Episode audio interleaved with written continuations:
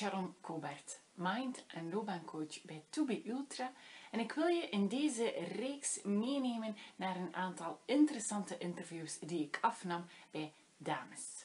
Jawel, allemaal dames, mama's, die wel iets te vertellen hebben over de situatie waarin we nu zitten. Het is een reeks geworden waarin heel wat tips worden gedeeld, maar waar ik vooral verbinding wil creëren. Je bent niet alleen. We zitten allemaal in ons kot, ieder met dezelfde gedachten, met dezelfde angsten. De vraag is, hoe ga je ermee om?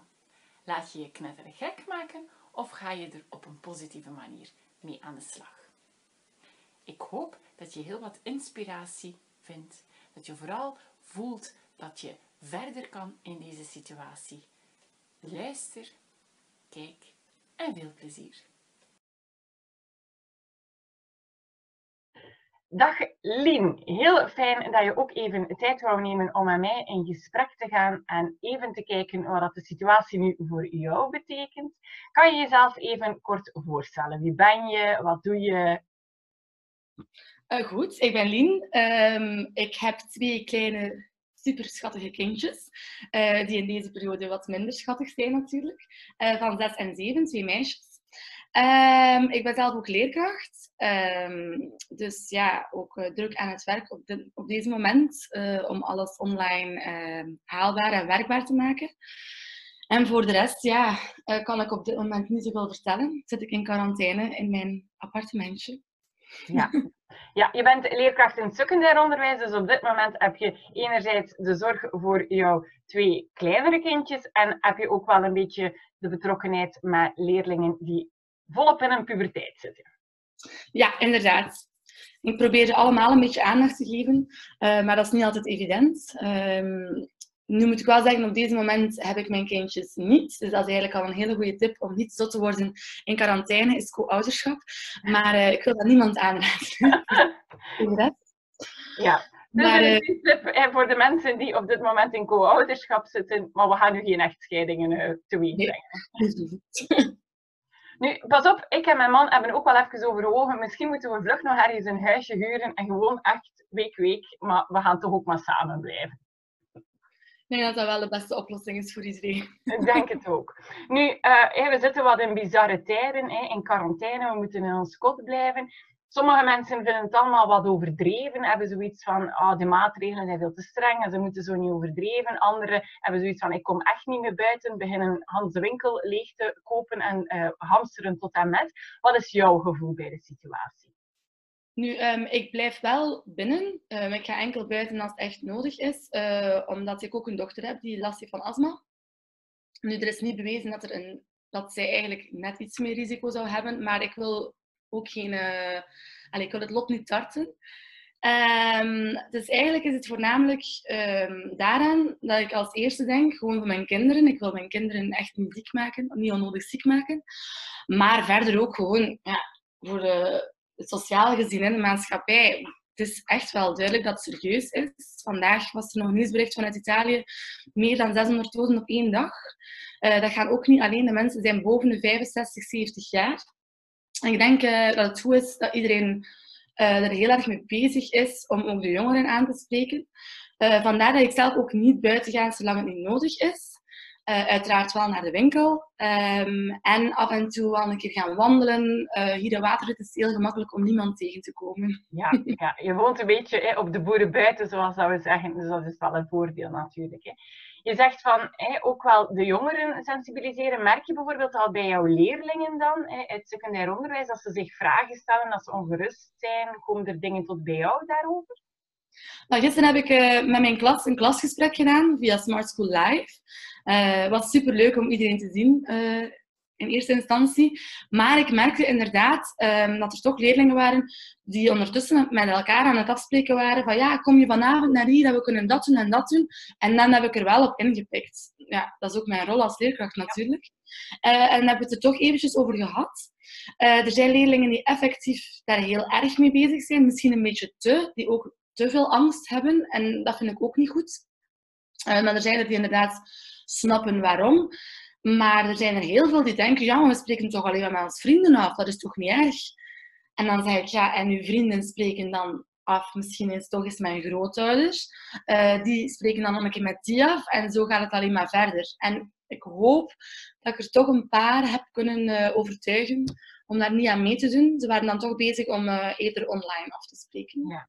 Ja. Heb je daarom bepaalde tips voor ouders? Want ik kan me voorstellen dat ouders, zeker met pubers, ook zo wat hebben van oh, hoe gaan we daar nu mee om en wat kunnen we best doen? Want een puber is zo al een beetje rebels en gaat graag in tegen zijn ouders. Dus hoe meer dan een ouder zegt, je niet, hoe meer dat hij gaat proberen om het wel te doen. Heb je daar tips rond of bepaalde dingen waar ze rekening mee kunnen houden? Ik vermoed dat we een beetje hetzelfde moeten doen zoals bij de kleine kindjes. Een planning. Um, ook al is dat net niet wat zij inderdaad uh, willen en wat dat zij graag doen, maar die hebben echt, echt structuur nodig. Die gaan van een Hanse schooldag, mijn hobby's, uh, dat elke week hetzelfde is, naar niets. Dus ik vermoed echt wel dat die een planning nodig hebben. Nu, als school uit uh, zorgen daar ook wel wat voor. telkens aan het begin van de week krijgen zij een planning voor elk vak. En effectief, bijvoorbeeld, ik geef nu Frans en geschiedenis. Ik geef voor drie uur Frans geef ik drie uur opdrachten en voor twee uur fitness twee uur opdrachten. We proberen daar dan ook wel iets leukers in te steken, zoals een keer een filmpje, in plaats van altijd studeren, studeren, studeren. Uh, maar we bieden via school ook zowel workouts aan van de leerkrachten LO. Ehm, en we proberen hen dat inderdaad wat, te verplichten, gewoon om die structuur te geven, om die ouders ook wat te ontlasten. Al merk ik na de eerste week dat het soms wat lastiger is, juist voor die ouders, omdat ze zoveel uh, krijgen van ons. En dat die zelf er nog niet in zitten. Maar ik snap dat. Want ik dacht dit weekend ook, toen ik al in quarantaine zat met mijn twee kinderen, dacht ik ook van, goed, we gaan hier een planning maken en we gaan dat en dat en het huiswerk en dit. En dat was allemaal heel mooi in mijn hoofd. Maar dan komt dat huiswerk en dat geeft eigenlijk juist wel wat, nog wat extra werk. En oei, dat duurt al langer en ik, je kunt dat niet goed uitleggen en dan loopt alles in het honderd. Dus ik kan me inbeelden dat voor ouders in het middelbaar onderwijs als zij in één keer al die vakken krijgen, dat het juist lastiger wordt. Ja. Nu, um, ja, plannen denk ik. Hè. En dat dat inderdaad het beste is. Wanneer mag je ontspannen, wanneer niet. Wanneer mag je bellen naar je vrienden, wanneer mag je gamen. En dat dat de enige oplossing is in deze tijden. Ja, en ik denk inderdaad ook gewoon eventjes volhouden. Hè. Niet onmiddellijk zeggen na dag één, het lukt niet, we gooien het weer overboord. Maar leerlingen in het begin van een schooljaar merk je ook, ze hebben even nodig voordat ze de lesrooster kennen en begrijpen en snappen. Dus ze gaan dat nu ook zeker nodig hebben om dat gewoon eventjes vol te houden om die structuur zich eigen te maken. Hè. Ja, dat is waar. Ja. Wat was uw gedachte of uw eerste gedachte toen je hoorde van kijk, de scholen gaan drie weken sluiten, daarna is twee weken paasvakantie, waardoor dat de kinderen sowieso vijf weken thuis zitten. Wat was uw eerste gedachte toen je dat hoorde? ik denk dat de eerste gedachte bij heel veel leerkrachten was, yes, dat is normaal. Hè? Ik denk dat dat bij alle jobs is. De eerste instantie van, ja, oké, we zitten thuis, we kunnen dat doen, dat doen. Ik bedoel, we hebben allemaal een huishouden, allemaal kinderen. Ik dacht in eerste instantie ook van, oh, ik kan dan een keer eindelijk mijn laatste verhuisdozen uitleggen. Ik woon hier al tien maanden, maar goed. Um, maar uh, tweede gedachte was dan inderdaad, ja, kinderen. En dan uh, komt al die informatie binnen van online lesgeven en je moet dat doen en je moet daar naar kijken en zo filmpjes maken. En dan dacht ik wel even van, hmm, misschien gaat het toch nog net iets lastiger worden dan gewoon naar school gaan en lesgeven. Um, en dan was het voor mij wel even chaotisch. Dat ik dacht van, hoe ga ik dat hier nu gaan regelen? Um, ja, en ik dacht dat dat inderdaad allemaal wel vlotjes ging gaan. Maar zoals ik al zei van het weekend, ik moest zoveel tijd steken in mijn eigen kinderen, dat ik bijna geen tijd had om, om dat allemaal uit te werken en uit te denken. En ja, het is nog altijd een beetje moeilijk. Ja, hoe probeer je voor jezelf toch wel wat structuur te hebben? Want je, je moet zelf ook werken, je werkt van thuis uit. Hoe probeer je ervoor te zorgen dat je zelf kan werken, dat je kinderen aan het werk zijn en dat je vooral niet knettergek aan het worden bent? Um, voor het moment um, doe ik misschien dan nog te weinig, omdat ik juist inderdaad gewoon alleen ben en mijn eigen planning heb en kan doen wat ik wil, wanneer ik wil. Um, maar nu vandaag ga ik echt iets maken voor volgende week. En um, effectief um, voor schoolwerken ook, dat ik er graag alles goed uitschrijven. Een beetje mijn eigen schooldag namaken, denk ik. Echt mhm. opstaan om acht uur met de kinderen. Um, ontbijten, kleren aan en dan een voormiddag werken voor school, zoals dat we normaal gezien zouden doen. Um, maar zeker en vast tijd maken voor ontspanning en sporten en een keer met de kindjes een keer eh, dansen of onnozel doen. Ja, ik denk dat dat echt moet. Die ja. momenten, die ontspanningsmomenten, dat moet erin zitten voor mij, anders word ik Ja. Ja. Zijn er nog dingen die je doet om, om aan zelfzorg te doen? Om ervoor te zorgen dat je jezelf niet uit het oog verliest? Maar de eerste dagen liep ik zo rond in mijn shorts en zo, mijn haren zo wat opgestoken. En, en nu moet ik zeggen dat ik zo wel opsta en uh, mijn douche pak, mijn haar stijlen, een beetje make-up aandoen, een mooi kleedje aan, omdat om een duur zit je zo in een vibe van uh, ja, dat vakantiegevoel en je m'en fous. En nu probeer ik wel zo een beetje te zorgen dat ik uh, ja, meer zo in, in de sfeer ben van goed, ik ga nu werken, ik ga nu dit doen, ik ga nu dat doen, ik ga voor mezelf zorgen dat ik er goed uitzie, uh, mijn nagels een keer doen of dit of dat. Ja. Dat, dat niet in de, ja, dat vlodder, familie vlodder voel ik. Ja. ja, ik denk dat dat inderdaad een hele goede tip is om ervoor te zorgen dat je gewoon een beetje ook die dagelijkse structuur blijft aanhouden. Je gaat ook niet in je short gaan werken, in de zomer misschien al een keer, maar in het, in het gewone leven gaat er ook voor zorgen dat je inderdaad wat opgekleed bent, wat make-up aandoet en dat je op die manier ook een stukje voor jezelf kan blijven zorgen. Ja, dat is waar. Wat zijn op dit moment voor jou nog de grootste uitdagingen? Oh, ik, ik, ja, ik denk dat mijn grootste uitdaging nog gaat moeten komen. Dat is volgende week. Uh, maar op dit moment mij niet verliezen in het vakantiegevoel misschien. Ook al werk ik wel veel voor school. Maar dan ben ik zo een uur aan het werken en denk ik van, oh, de zon schijnt. Oh, ik ga een keer buiten. Ik ga een keer op mijn gemakje in mijn zetelje zitten. Um, omdat er geen druk... Allee, er zit wel een druk achter. Je werk moet gedaan zijn. Maar je hebt een deadline tegen zondag. En ik heb zo het gevoel dat ik dan zo soms wel zoiets heb van... Oh, vanavond doe ik nog wel iets. Morgen doe ik nog wel iets. En ik denk dat ik zondag uh, in de problemen ga zitten anders. Dus ja. mijn uitdaging zijn. Mij houden aan mijn plannen en mijn structuur. Ja. En wat is voor jou de grootste uitdaging in de week dat de kindjes er zijn? Niet zot worden. Um, nee, een combinatie zoeken tussen uh, aandacht geven aan hen en mijn eigen schoolwerk doen. Um, en uh, ja, vooral um, rustig blijven, denk ik. ik zie ze doodgraag en ik speel heel graag met hen. Maar voor hen, ja, ik begrijp dat, ze zijn thuis. Ze hebben mij bijvoorbeeld een week niet gezien. Ze zien mama, ze willen met mama spelen, ze willen alles doen met mama, ze verhalen vertellen. Dat gaat een hele boost zijn. Van mij, van niets, alles op het gemak, naar in één keer al die aandacht dat ze gaan willen. Um, en het probleem is, dat is op dag één. En dan heb je zo de...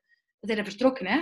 Ja. Is dan, oh, ze zijn wild. En dat gaat voor de rest van de week zo zijn. En dat gaat zo, terwijl dat die waarschijnlijk gewoon een keer gaan willen vertellen, een keer gaan willen uh, spelletjes spelen, een keer gaan willen samen knutselen. En ik denk dat dat hetgene is dat ik ga moeten uh, beseffen. Dat gaat één dag heel druk zijn en daarna gaat dat weer beter zijn. Dus ik vermoed ook voor mensen die uh, constant met kinderen thuis zitten. Ik denk dat, het soms gewoon, dat je soms gewoon een keer één dag gaat moeten hebben en nu is het volledig voor de kinderen.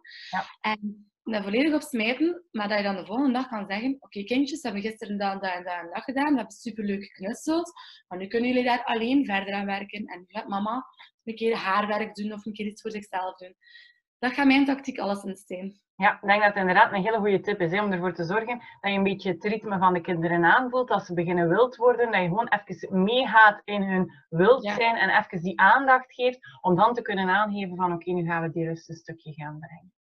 Ja. ja, inderdaad. Is er nog iets dat je wil delen aan de mensen, een boodschap dat je wil geven, um, nu dat we allemaal in ons kop zitten?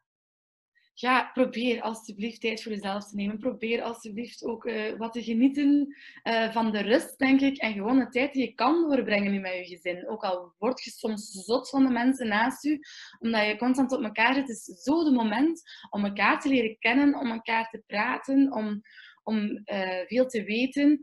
ik zit persoonlijk zelf in een ideale situatie. Ik ben nog niet zo lang samen met mijn partner.